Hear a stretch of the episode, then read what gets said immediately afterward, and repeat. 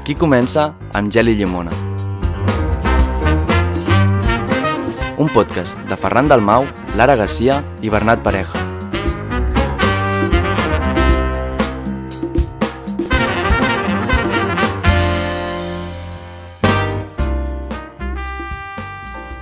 Bon dia, benvingudes i benvinguts una setmana més amb Gel i Llimona.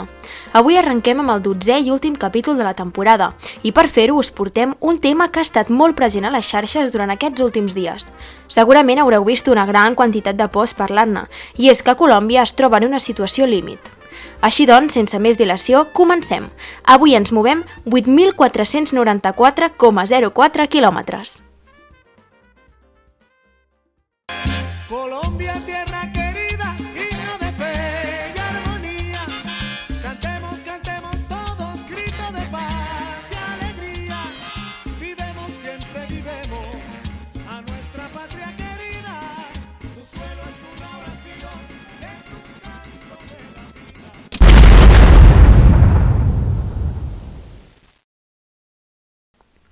Fa dies que Colòmbia viu un gran clima de tensió i protestes als carrers.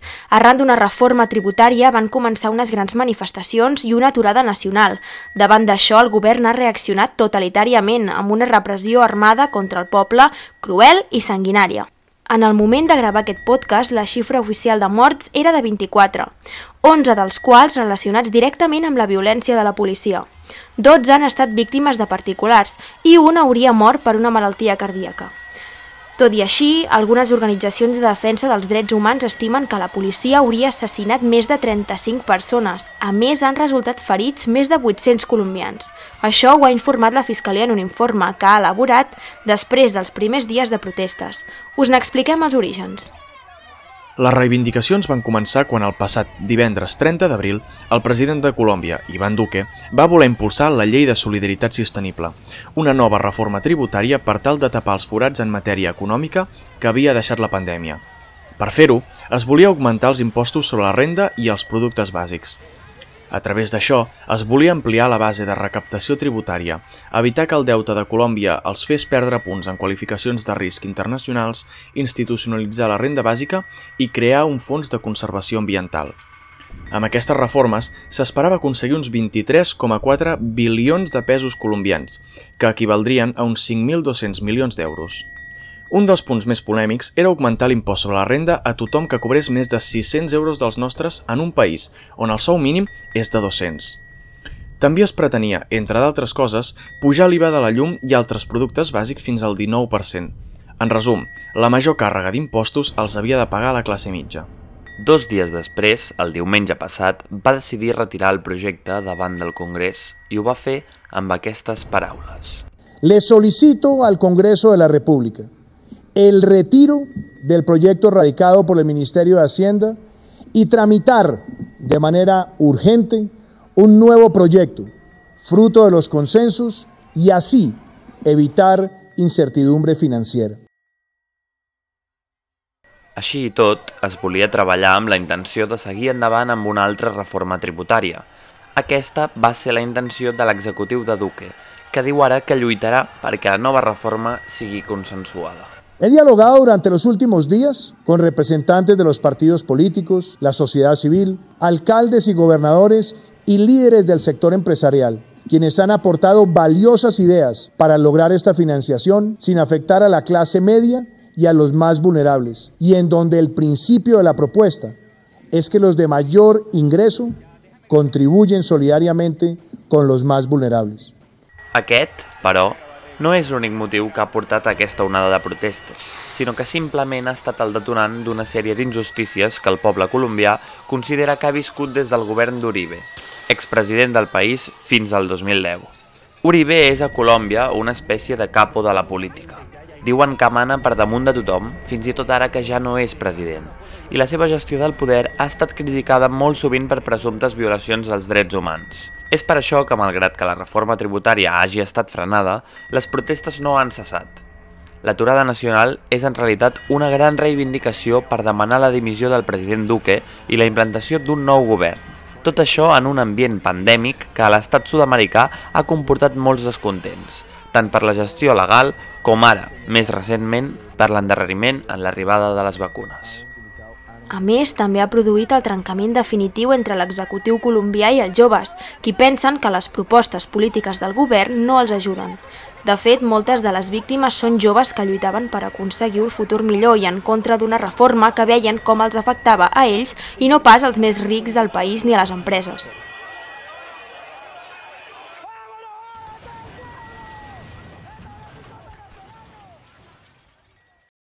L'actuació policial ha estat, i permeteu-nos ser ben clars, terrible.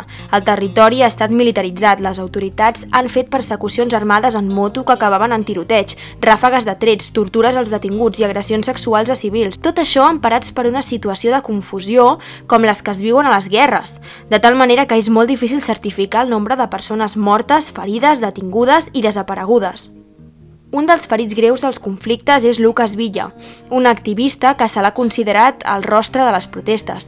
Durant una manifestació pacífica a la ciutat de Pereira, va rebre almenys 8 trets i se'l va donar per mort durant unes hores. Villa és un estudiant de 27 anys que pacíficament liderava algunes de les protestes del país. Una altra de les víctimes és Nicolás Guerrero, un jove de 22 anys que va morir a Cali, l'epicentre de les protestes, després que li disparessin un tret al cap en l'homenatge a la nit següent que li van fer entre amics, familiars i altres manifestants, van escriure al terra a Nico lo mató el ESMAT. L'ESMAT, de fet, és un dels organismes que més controvèrsia crea entre la ciutadania. És una unitat creada el 1999 durant el govern d'Andrés Pastrana en un dels períodes amb més activitat de la Guerra de Colòmbia. Depèn de la policia i està escrit al Ministeri d'Interior. Tot i que havia de ser una unitat temporal, l'expresident Álvaro Uribe, que a la vegada és el padrí polític de l'actual president Iván Duque, ho va formalitzar i va crear el curs per poder accedir a aquesta unitat. Són coneguts per les seves tècniques violentes fora del reglament. De fet, centenars d'agents han estat processats per infraccions disciplinàries i alguns han estat i tot, fins i tot penalitzats. Aquesta unitat antidisturbis van equipats amb salves, gasos lacrimògens, atordidors i bales de paintball.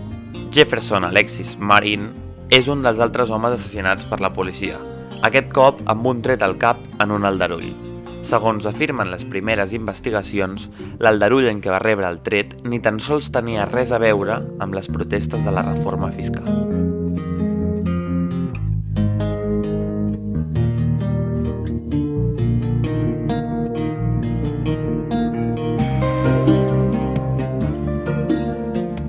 El més greu de tot, com ja s'ha vist a les xarxes, no ha estat l'alarmant intent de reforma tributària del govern, sinó la resposta d'aquest davant les protestes del poble. A banda dels terribles atacs que reben els manifestants per part de les forces militars, fa uns dies la població denunciava una apagada d'internet. Enmig de l'escalada de violència que es viu a Colòmbia, milers de persones van denunciar aquest dimecres una apagada general del servei d'internet a la ciutat de Cali. Segons informen els mitjans locals, en sectors de la ciutat com la comunitat de Siloé es va bloquejar l'internet durant unes hores per tal que no retransmetés per les xarxes socials el que estava passant en directe. I, evidentment, se sospita que el govern està darrere d'aquests bloquejos de la xarxa. A més a més, es va produir també un tall de llum que va generar molta incertesa i confusió als carrers. El representant de la cambra de Bogotà per al partit Alianza Verde, Inti Esprilla, va afirmar que durant el tall d'energia hi ha hagut atacs de militars contra els ciutadans. L'agrupació Anonymous ha dut a terme durant els incidents una sèrie de ciberatacs contra el govern de Colòmbia. El passat 5 d'abril, la xarxa de hackers va fer pública informació confidencial de diversos càrrecs del govern i van irrompre en la línia de comunicacions de la Policia Nacional. A través d'un vídeo de YouTube van fer pública la seva comunicació via ràdio. Des de l'aturada del 28 d'abril, els atacs s'han incrementat, a moda de protesta, i han tombat les pàgines oficials de l'Exèrcit, el Senat i la Policia Nacional nacional. Diuen que la lluita també és seva.